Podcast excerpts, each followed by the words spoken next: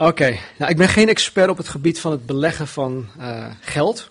Ik ben geen expert op investeringen. Maar ik weet wel dat mocht ik ooit geld gaan investeren, dan zou ik onder andere heel kritisch gaan kijken naar de, uh, de duurzaamheid van datgene waarin ik zou investeren. Uh, misschien de markt of de, het bedrijf, de onderneming, het product of de dienst die geleverd wordt. Want als het product of de markt en de onderneming geen lange levensduur hebben, dan heeft het voor mij geen zin om mijn geld, mijn tijd, mijn energie daarin in te steken. En zo zie ik mijn, mijn, mijn leven als christen ook. Ik wil absoluut geen tijd, geen energie en, en middelen verspillen in iets dat uiteindelijk geen eeuwigheidswaarde heeft. Dingen van, van die vergankelijk zijn. Dus wil ik voornamelijk blijven investeren in de dingen die voor eeuwig zullen blijven standhouden. Maar dan is de vraag, nou, wat blijft voor eeuwig standhouden? Dat moet je dan wel weten. Nou, gelukkig hebben we de Bijbel. En de Bijbel laat ons dat wel weten. Er zijn een aantal dingen die, die voor eeuwig stand blijven houden. En vanmorgen wil ik gewoon naar een paar dingetjes kijken om even dit, dit als achtergrond voor de, de preek um, te schetsen. De Bijbel leert ons dat Gods koninkrijk voor eeuwig stand zal blijven houden. En in Lucas hoofdstuk 1 lezen we dit. Lucas 1, vers 26 tot met 33. In de zesde maand werd de engel Gabriel door God gezonden naar een stad in Galilea die Nazareth heette. Naar een maagd die ondertrouwd was met een man die Jozef heette. Uit het huis van David en de naam van de maagd was Maria. En toen de engel bij haar binnengekomen was, zei hij: Wees gegroet, begenadigde. De Heere is met u, u bent gezegend onder de vrouwen. Toen ze hem zag, raakte zij in verwarring over wat hij zei. En ze vroeg zich af wat de betekenis van deze groet kon zijn. En de engel zei tegen haar: Wees niet bevreesd, Maria, want u hebt genade gevonden bij God. En zie, u zult zwanger worden en een zoon baren, en u zult hem de naam Jezus geven. Hij zal groot zijn en de zoon van de Allerhoogste genoemd worden. En God de Heere zal hem de troon van zijn vader David geven. En hij, Jezus, zal over het huis van Jacob koning zijn tot in eeuwigheid. En aan zijn koninkrijk zal geen einde komen. Tot zover. Dus de, de, de engel Gabriel die, die verschijnt aan Maria en die zegt, Jezus gaat komen. Je zal de zoon, deze zoon zal je baren. Hij zal koning worden en aan zijn koninkrijk zal geen eind komen.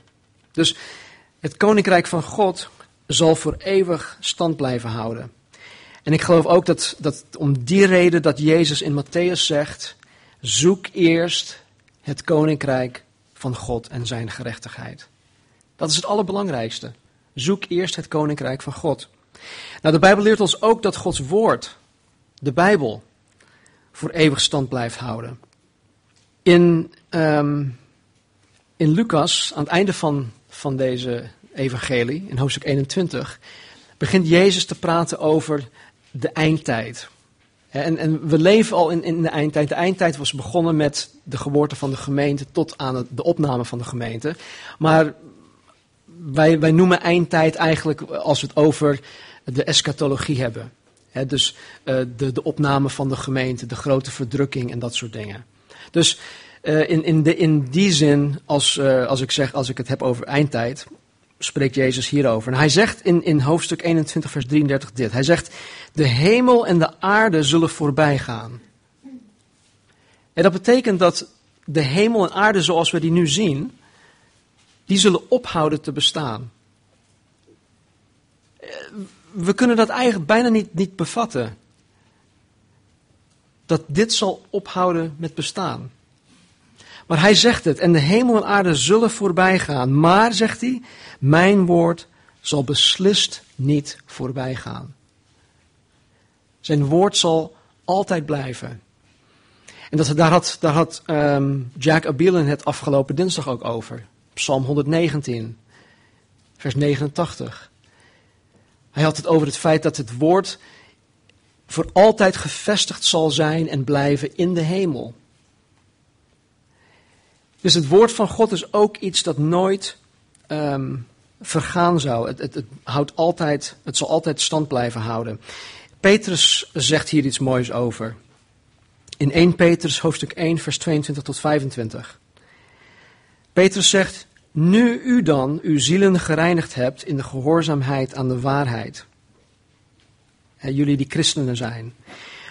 Door de geest tot ongeveinsde broederliefde, heb elkaar dan vurig lief uit een rein hart. U die opnieuw geboren bent, niet uit vergankelijk, maar uit onvergankelijk zaad.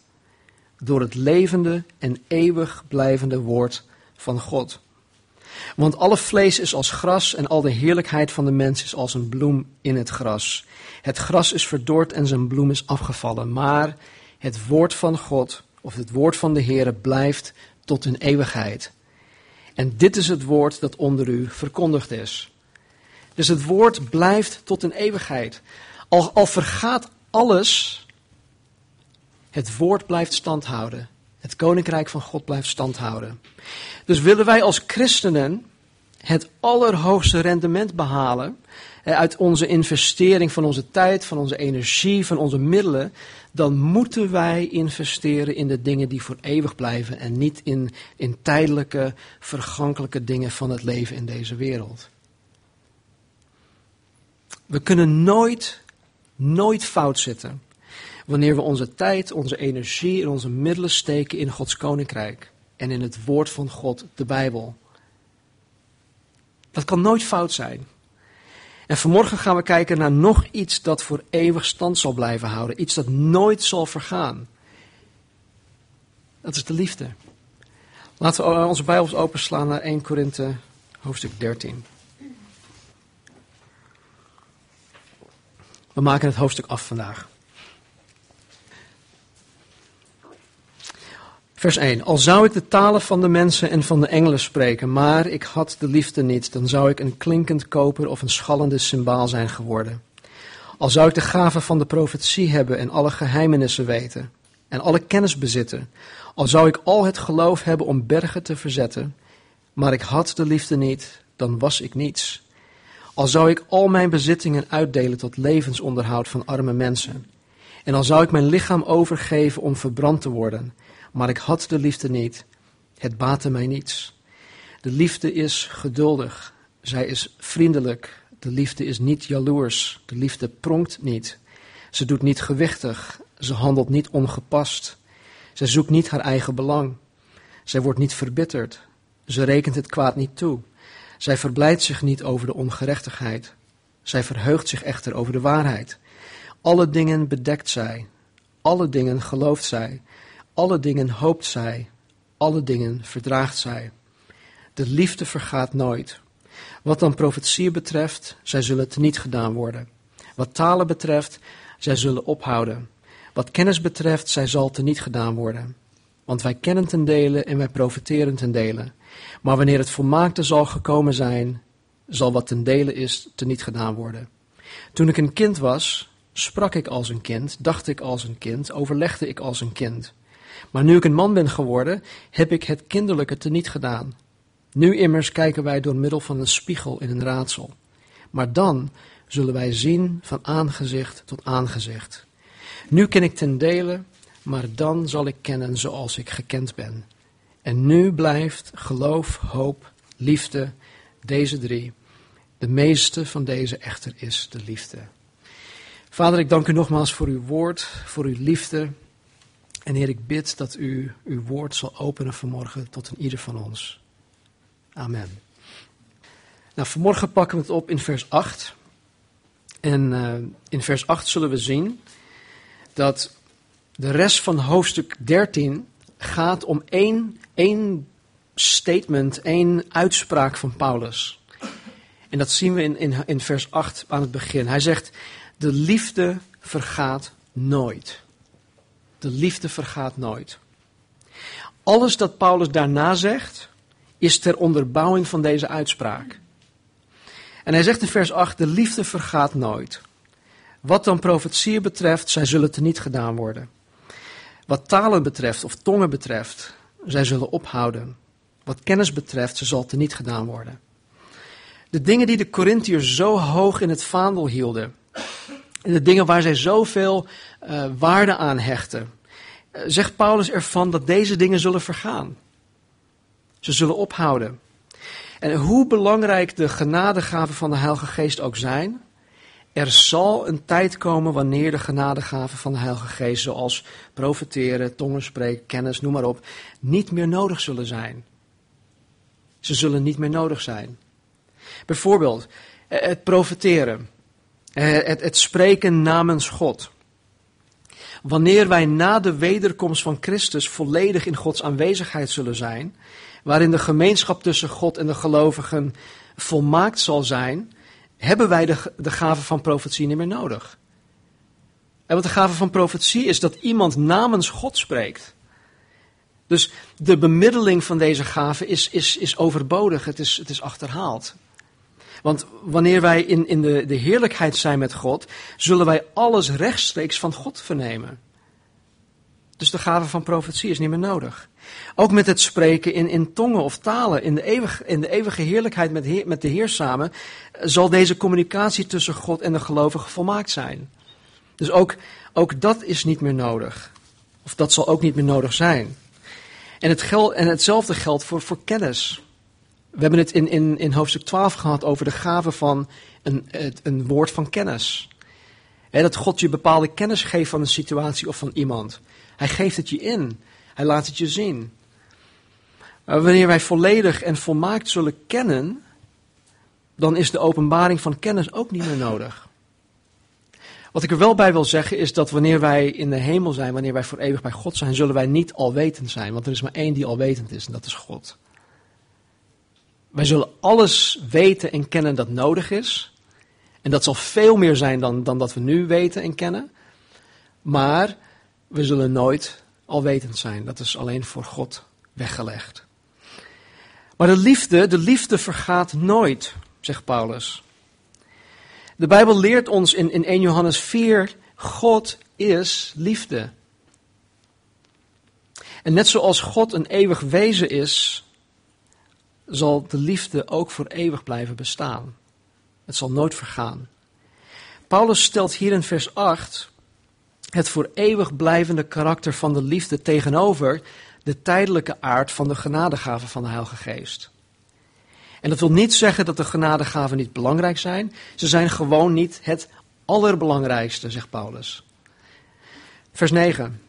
Want wij kennen ten dele en wij profiteren ten dele. Maar wanneer het volmaakte zal gekomen zijn, zal wat ten dele is, teniet gedaan worden. Nogmaals, er is maar één die alles kent en weet en dat is God zelf. Hij is alwetend. Van, van alle kennis en wijsheid die God bezit, wordt ons, hè, zijn kinderen, christenen hier op aarde, in het mensen van vlees en bloed, wordt ons door middel van de gave van kennis en profetie maar een gedeelte bekendgemaakt. Wij krijgen alleen maar te weten wat God ons wil laten weten, wat God ons kenbaar wil maken. Ten eerste heeft Hij ons het woord gegeven en, en alles wat hierin staat, heeft Hij ons gegeven, zodat wij het kunnen weten. En dus eh, totdat wij dit helemaal uitgeput hebben, totdat wij alles van Gods woord en de Bijbel kennen, hoeven we eigenlijk nergens anders te zoeken. Eh, ik, ik heb wel eens gezegd dat, dat, dat in bepaalde kringen dat ze zogenaamd eh, openbaringskennis krijgen. En dat, oh, oh, oh ik, hoor iets en oh, ik, ik krijg een, een, ingeving en dat dat dan helemaal niet overeenkomt met Gods woord. Dat het buiten bijbels is. Mensen, als wij, als wij dit nog niet eens kennen en doorgrond hebben, waarom zouden we ons dan uitstrekken naar, naar andere dingen? Dat, dat, dat, dat is alleen maar gevaarlijk. Maar goed, van alle kennis en wijsheid die God bezit, wordt ons door middel van de gave van kennis en profetie alleen een gedeelte bekendgemaakt. Als Godse dienstknechten kennen en spreken wij slechts een gedeelte van wat er allemaal gekend kan worden over, over Gods wezen, over het koninkrijk van God, over de toekomst, over de hemel, over mijn verheerlijk lichaam, hoe dat eruit gaat zien. We, we weten alleen maar, we weten slechts een, een, een gedeelte daarvan. En Paulus zegt hierover in Romeinen 11, vers 33 tot 36 dit. Hij zegt, o diepte van rijkdom, zowel van wijsheid als van kennis van God. Hoe ondergrondelijk zijn zijn oordelen en onnaspeurlijk zijn wegen. Want wie heeft de gedachten van de Heere gekend? Of wie is zijn raadsman geweest? Of wie heeft hem eerst iets gegeven en het zal hem vergolden worden? Want uit hem en door hem en tot hem zijn alle dingen. Hem zij de heerlijkheid tot een e- eeuwigheid. Amen. Eh, geen van ons eh, zijn ooit Gods raadsman geweest. God heeft nooit aan mij gevraagd van, joh Stem, wat vind jij ervan? Of, uh, Stem, weet je wat jij aan mij gegeven had? Nou joh, ik, ik, ik, ik sta in het krijt bij jou. Nee, dat, dat geldt voor niemand. God is God. En wij zijn dat niet. En hij is degene die, die, ja, die het recht heeft om, om ons wel of niet dingen te laten weten. De, de, de, de waarom-vragen, die, die zijn, die zijn uh, in sommige gevallen wel te beantwoorden, maar in, in vele gevallen niet. Ik denk dat vele ongelovigen waarmee je spreekt deze waarom-vragen stellen. En wanneer je geconfronteerd wordt met, met die waarom-vragen, dan, dan, als je het antwoord hebt, prima, maar als je geen antwoord hebt, dan moet je altijd terugvallen op wat je wel weet. je weet dat God liefde is. Je weet dat Gods liefde nooit zal vergaan. Je weet dat het woord zuiver is. Je weet dat, dat het woord nooit zal vergaan. Je weet dat, wat, wie Jezus Christus is. De dingen die je wel weet, daar kan je op terugvallen. Daar kan je op bouwen. Hoe je het ook wendt of keert, we blijven beperkt in onze kennis. Maar er zal een tijd komen wanneer het volmaakte gekomen zal zijn, zegt Paulus. Um, Maarten is, is bezig met uh, openbaringen. En ik weet niet hoe ver ze, gekomen zijn, maar goed. Um, hij is bezig met eindtijddingen. De Bijbel leert ons dat Jezus Christus op een gegeven moment de kerk op zal nemen. Uh, Ricky noemde het vanmorgen in zijn gebed de, de wegrukking. Ja, nooit, nooit zo eerder, uh, eerder gehoord. Maar ja, je wordt als het ware uit de wereld weggerukt. Eruit gehaald. En dus alle wedergeboren christenen die, die, die tot de gemeente van Christus behoren, die worden op een gegeven moment weggehaald. Opgenomen. En dit kan elk moment gebeuren. Er is niets meer wat, wat ons in de weg zal, kan staan. Alle profetieën tot op de dag van vandaag, die zijn vervuld. Er, er, er hoeft niks meer te gebeuren. Dus dat kan elk moment gebeuren. En wanneer de kerk opgenomen wordt, dan breekt de tijd aan van de grote verdrukking. En waarin de antichristus zich zal gaan, gaan openbaren. Hij zal zich bekendmaken. Daarna zal Jezus in al zijn heerlijkheid naar de aarde toekomen. Hij zal zijn duizendjarig rijk gaan vestigen hier op aarde. Wij zullen met hem regeren. En vervolgens komt er uiteindelijk, dit, dit, dit is niet te bevatten, maar vervolgens komt er een nieuwe hemel en een nieuwe aarde. Als wedergeboren christenen hebben wij een hoopvolle toekomst. Het allerbeste komt nog. Als wedergeboren christen is mijn leven hier op aarde het allerergst wat ik ooit zal meemaken. Maar voor degenen die zichzelf niet verloochenen, degenen die hun kruis niet opnemen, degenen die Jezus niet navolgen, hoe slecht hun leven hier op aarde ook kan zijn, hun leven hier op aarde zal het allerbeste zijn wat ze ooit zullen meemaken. Hun toekomst na het leven hier op aarde ziet er heel anders uit dan de mijne. Ik heb een website uh, gelezen, dat is uh, van uh, de tegenhanger van het Centraal Bureau van de Statistiek. Volgens mij is dat vanuit de States, ik weet niet meer precies hoe het, hoort, hoe het heet, maar er staat dat ehm, gemiddeld 150.000 mensen per dag sterven, wereldwijd. 150.000 mensen per dag. Hoeveel denk je van deze 150.000 dat, dat, zij naar de hemel toe gaan, dat zij gered zijn, dat ze behouden zijn. Nou, ik durf te zeggen heel weinig. En voor de rest, ja, hun toekomst ziet er heel anders uit. En weet je, ik, ik, ik ben.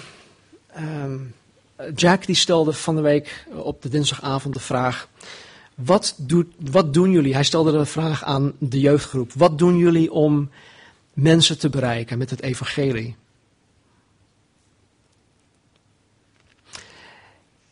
En het antwoord op de vraag was: Oeh, dat is een pijnlijke vraag. Een hele eerlijk heel eerlijk antwoord. En ik kan dat ook echt waarderen. Maar ik, ik, ik, ik, de vraag wordt ook aan mij gesteld. Ik, ik had het ervaren van, joh stem, wat doe jij om mensen te bereiken voor Jezus Christus? En ik, ja, ik, ik oh man. Ik kan nog zoveel meer doen. Ik kan nog zoveel meer doen. Ik maak excuses om het niet te doen. Ik ben bezig met andere belangrijke dingen. Noem maar op. Ik kan een hele waslijst geven waarom ik het niet meer doe. Dus dat, dat heeft mij wel bepaald. En ik, ik, ik denk, ik weet zeker, dat niet alleen de jeugdgroep, maar dat wij als gemeente daar veel meer mee bewust van moeten zijn. Elke dag sterven er 150.000 mensen. Nou, dan kan je zeggen, ja oké, maar wat, wat voor impact kan ik nou hebben op die 150.000? Al is het maar één. Sushant. Of een Hans van der Meulen die zich zes of zeven weken geleden zijn hart aan de Heer heeft gegeven. We moeten daar wel bewust van zijn, we moeten daar wel mee bezig zijn. Jezus heeft ons niet gered om ons lekker te redden. Nee, hij wil ons breken, hij wil ons uitdelen, hij wil ons weggeven. Het is deze hoopvolle toekomst waar Paulus het over heeft, wanneer hij hier in vers 10 schrijft over wanneer het volmaakte zal gekomen zijn. En wanneer deze tijd aanbreekt, is de gedeeltelijke kennis die wij nu bezitten, is, dat is achterhaald. Het is niet meer relevant, het is niet meer actueel. En Paulus illustreert dit in vers 11. Hij zegt dit. Toen ik een kind was, sprak ik als een kind, dacht ik als een kind, overlegde ik als een kind. Maar nu ik een man ben geworden, heb ik het kinderlijke teniet gedaan.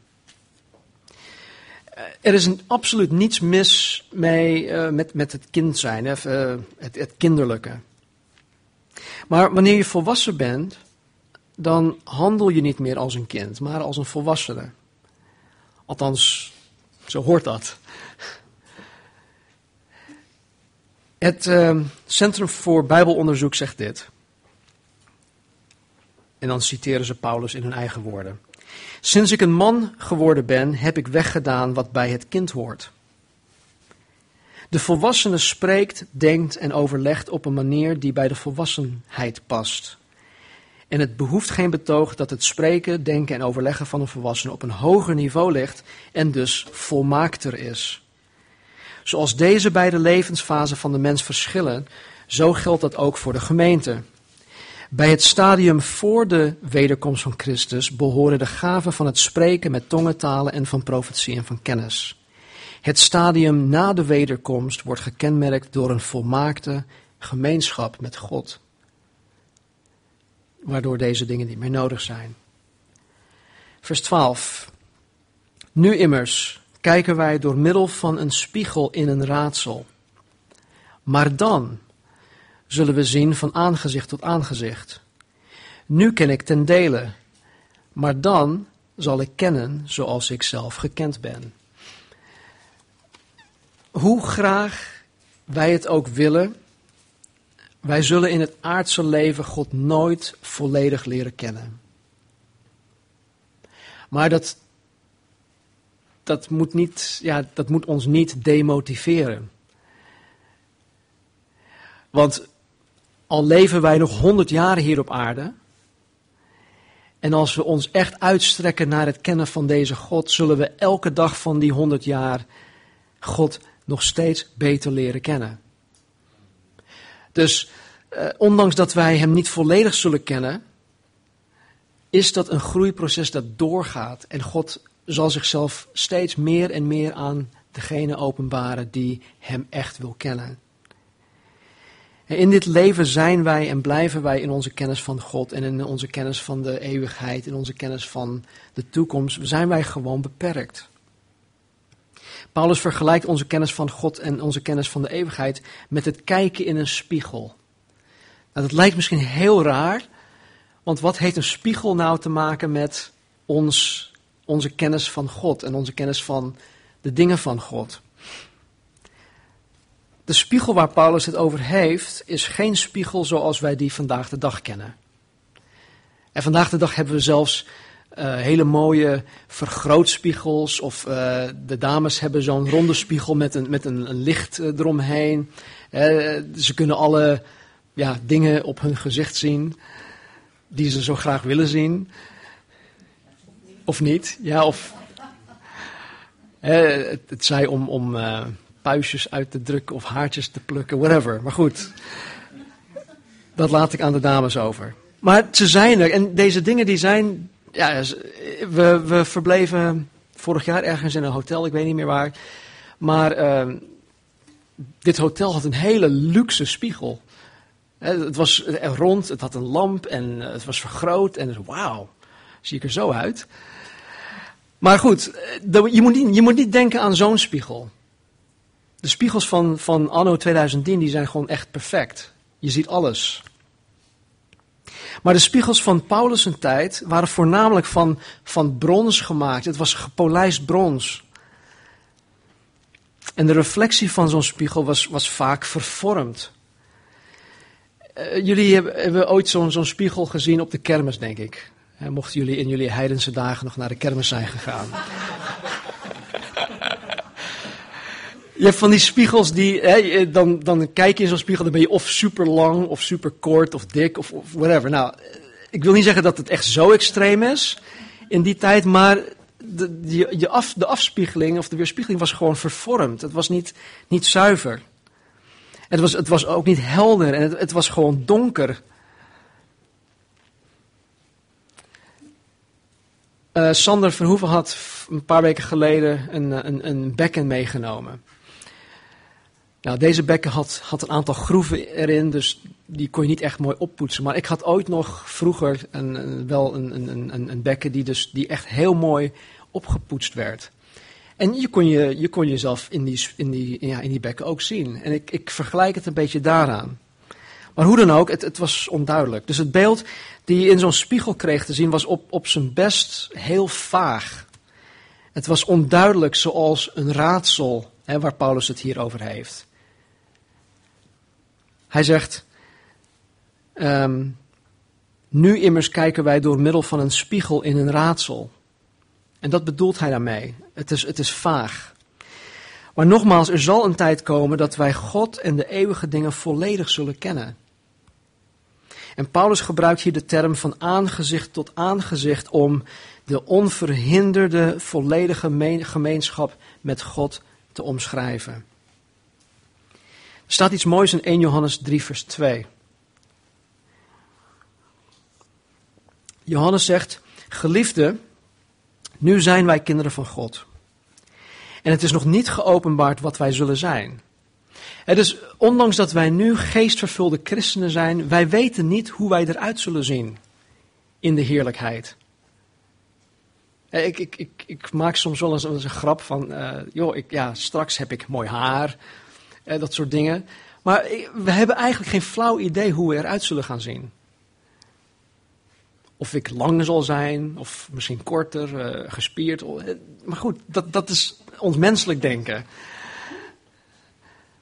we hebben geen flauw idee. En dat, dat, zegt, dat zegt Johannes hier ook. Hij zegt, het is nog niet geopenbaard wat wij zullen zijn. Maar, hij zegt, wij weten dat als hij geopenbaard zal worden, dus wanneer Jezus Christus terugkomt, wij hem gelijk zullen zijn. Want wij zullen hem zien zoals hij is. Wij zullen hem gelijk zijn en wij zullen hem zien zoals hij is. Wij zullen in die tijd God kennen zoals hij ons kent. Dus volledig en, en onverhinderd. Er, er zal niets meer in de weg staan. En nu vers 13, 1 Korinthe 13. Nu blijven geloof, hoop en liefde. Deze drie. De meeste van deze echter is de liefde. Paulus wil de Corinthiërs duidelijk maken dat alhoewel de genadegaven van de Heilige Geest belangrijk zijn, zij deze niet moeten nastreven of najagen ten koste van de liefde. De drie dingen die de christen moet najagen zijn niet wonderen, tekenen en krachten, maar geloof, hoop en liefde. Ondanks dat de genadegaven door de geest zelf, uh, ja, dat, dat het door de geest aan ons gegeven wordt. En dat Hij zelf deze dingen aan ons geeft. En ondanks dat ze zeer kostbaar zijn. En ondanks dat ze zeer nuttig zijn ter opbouw van de gemeente. Was het nooit Gods bedoeling geweest dat onze focus zou liggen op deze dingen. Wij moeten ze ontvangen. Wij moeten ontvankelijk zijn voor de gaven. Wij moeten ons bereidwillig opstellen om paraat te staan, om gebruikt te worden. En op het moment dat we zeggen van Heer, hier ben ik, ik ben, ik ben available. Beschikbaar. Dan zal God je geven wat je nodig hebt.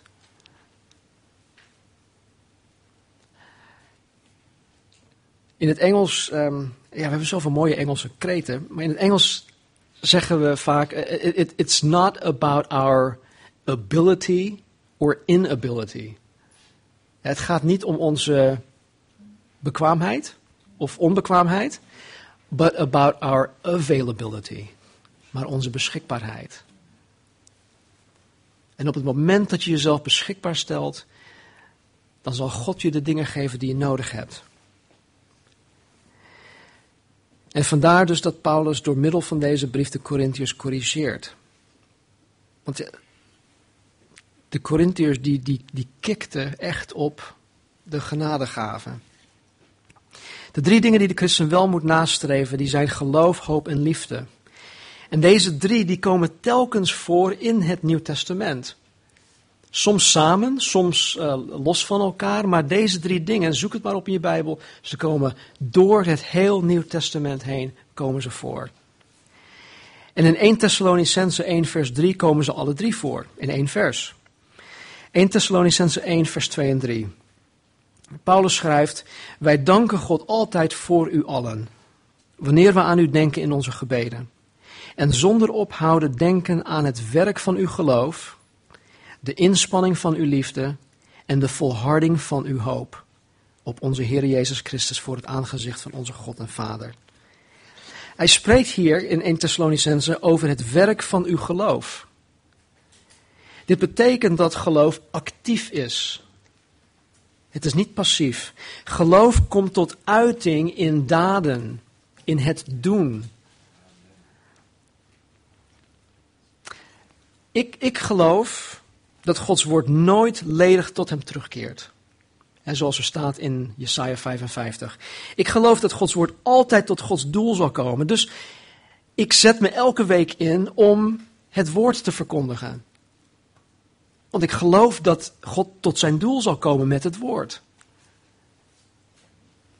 En dat leidt tot actie. Ik geloof dat, dat, dat ik overal waar ik ben een, een getuige van Jezus Christus moet zijn. Het zout der aarde, het licht der aarde, een getuige. Dus ben ik actief bezig om, om, om mensen over Jezus te vertellen. Hoe kan ik die persoon bereiken? En elk persoon is weer anders. Er is geen vaste regel. Ik geloof dat God mij persoonlijk ertoe geroepen heeft om de bediening van Calvary Chapel hier in Nederland op de kaart te zetten. Dit is mijn levenswerk. Ik zet me er helemaal voor in. Het is mijn werk van geloof. Kortom, geloof is, is actief. Jacobus zegt in zijn brief: geloof zonder werken of geloof zonder daden is dood. Iets dat dood is, heb je niks aan. Dus als je geloof niet tot, tot uiting komt in, in werken, in daden, dan, dan is het waardeloos. Paulus spreekt in dit, in dit vers ook over de inspanning van uw liefde. Ook hier betekent dat de liefde actief is. Ook hier komt de liefde tot uiting in daden. Het woord inspanning is een heel interessant woord. Het betekent in de, in de oorspronkelijke taal letterlijk dit: afmattende arbeid, gezwoeg, geploeter tot uitputting aan toe. Geploeter tot uitputting aan toe. Nou, in hoeverre spannen wij ons op deze manier in, in liefde voor de ander? Ik, hand in eigen boezem.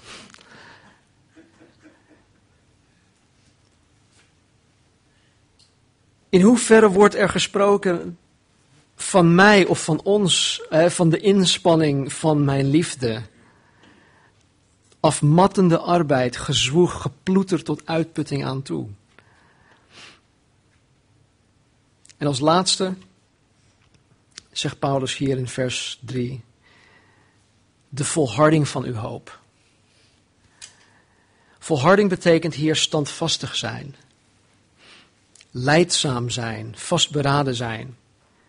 En de hoop waar Paulus het over heeft, is datgene, dat is heel logisch, waarop men hoopt.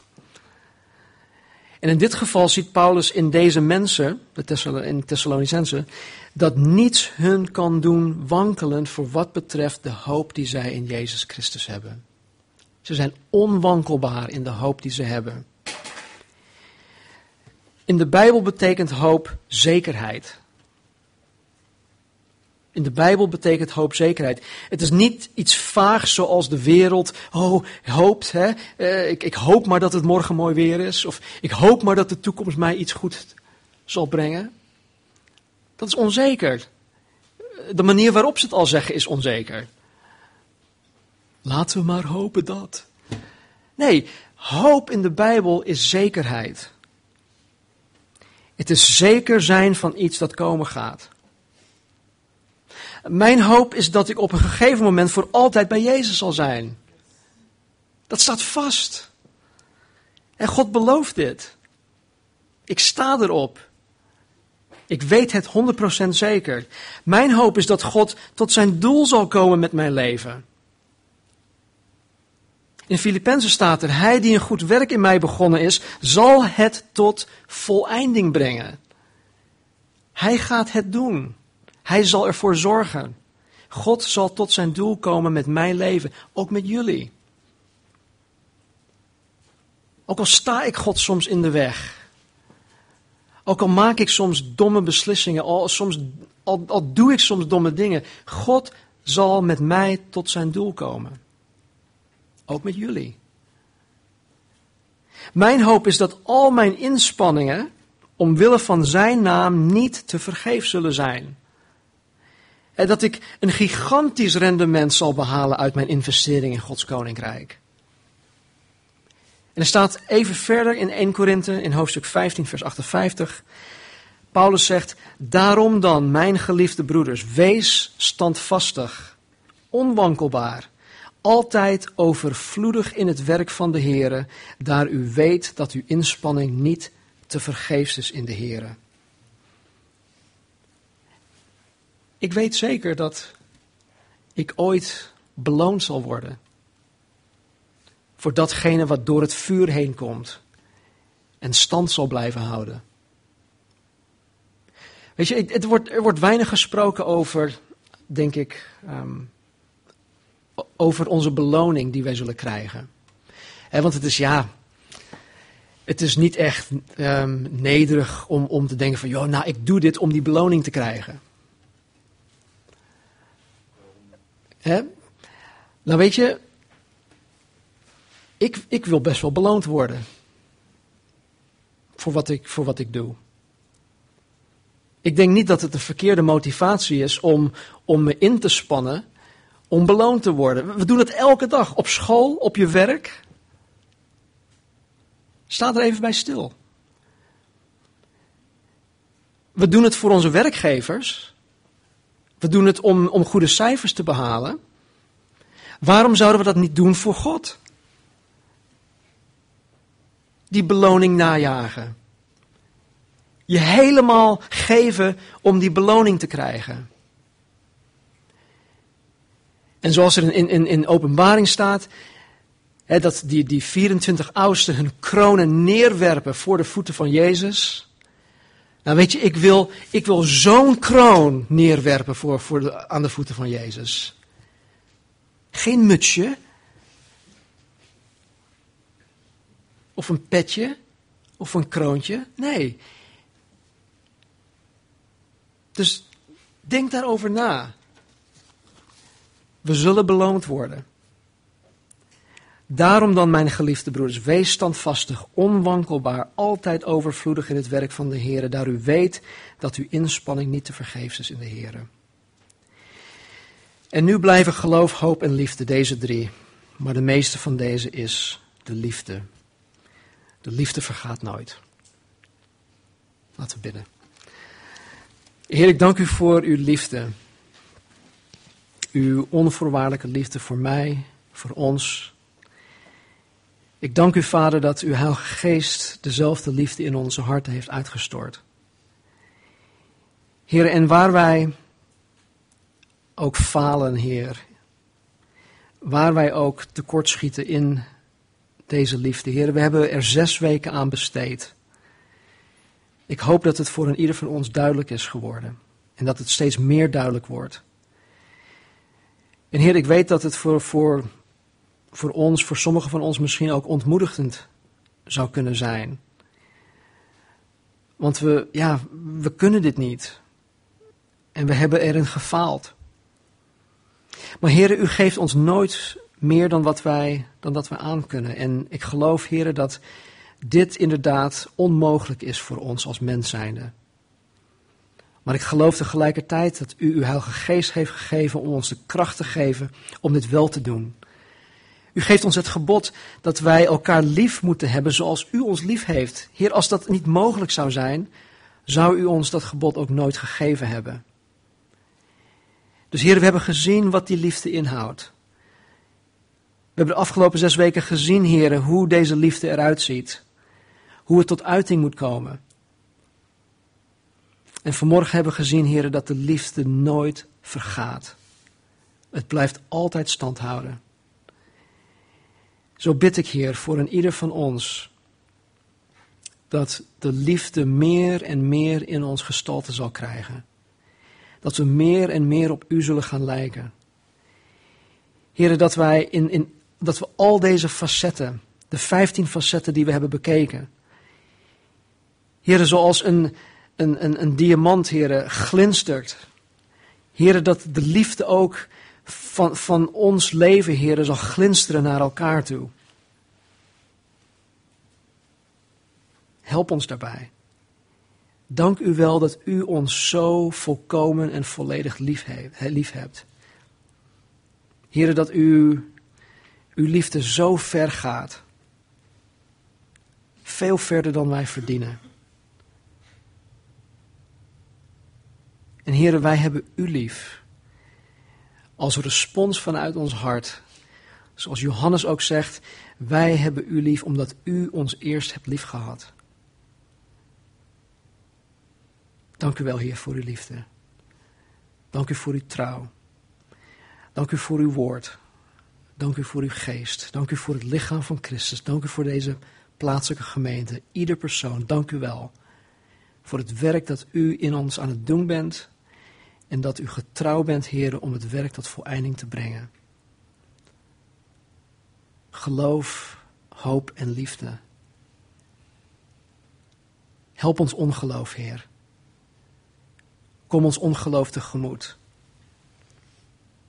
Geef ons de hoop die we nodig hebben.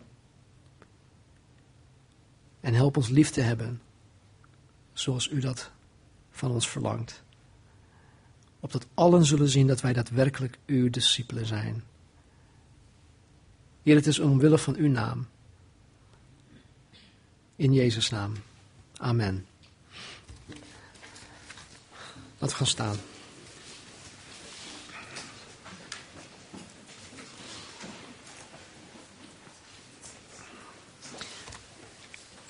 Volgende week vieren we Heilig Avondmaal. Ik um, pak het weer op met een ik ben uitspraak. Ik denk dat wij, kijk, november, december, um, ja, nog twee preken zullen hebben van de ik ben uitspraken van Jezus. En dan gaan we 1 januari beginnen met iets nieuws. Maar werk er naartoe. volgende week, Heilige Avondmaal vieren. Beoefen de dingen die je geleerd hebt vanuit 1 Korinthe 13. Misschien moet je elkaar om vergeving vragen waarin je tekort hebt geschoten. Doe dat. En je zult gigantisch gezegend worden door de God die liefde is. Dus wees gezegend, wees ook een zegen en heb elkaar lief. Volgens 1 Korinthe 13. Amen.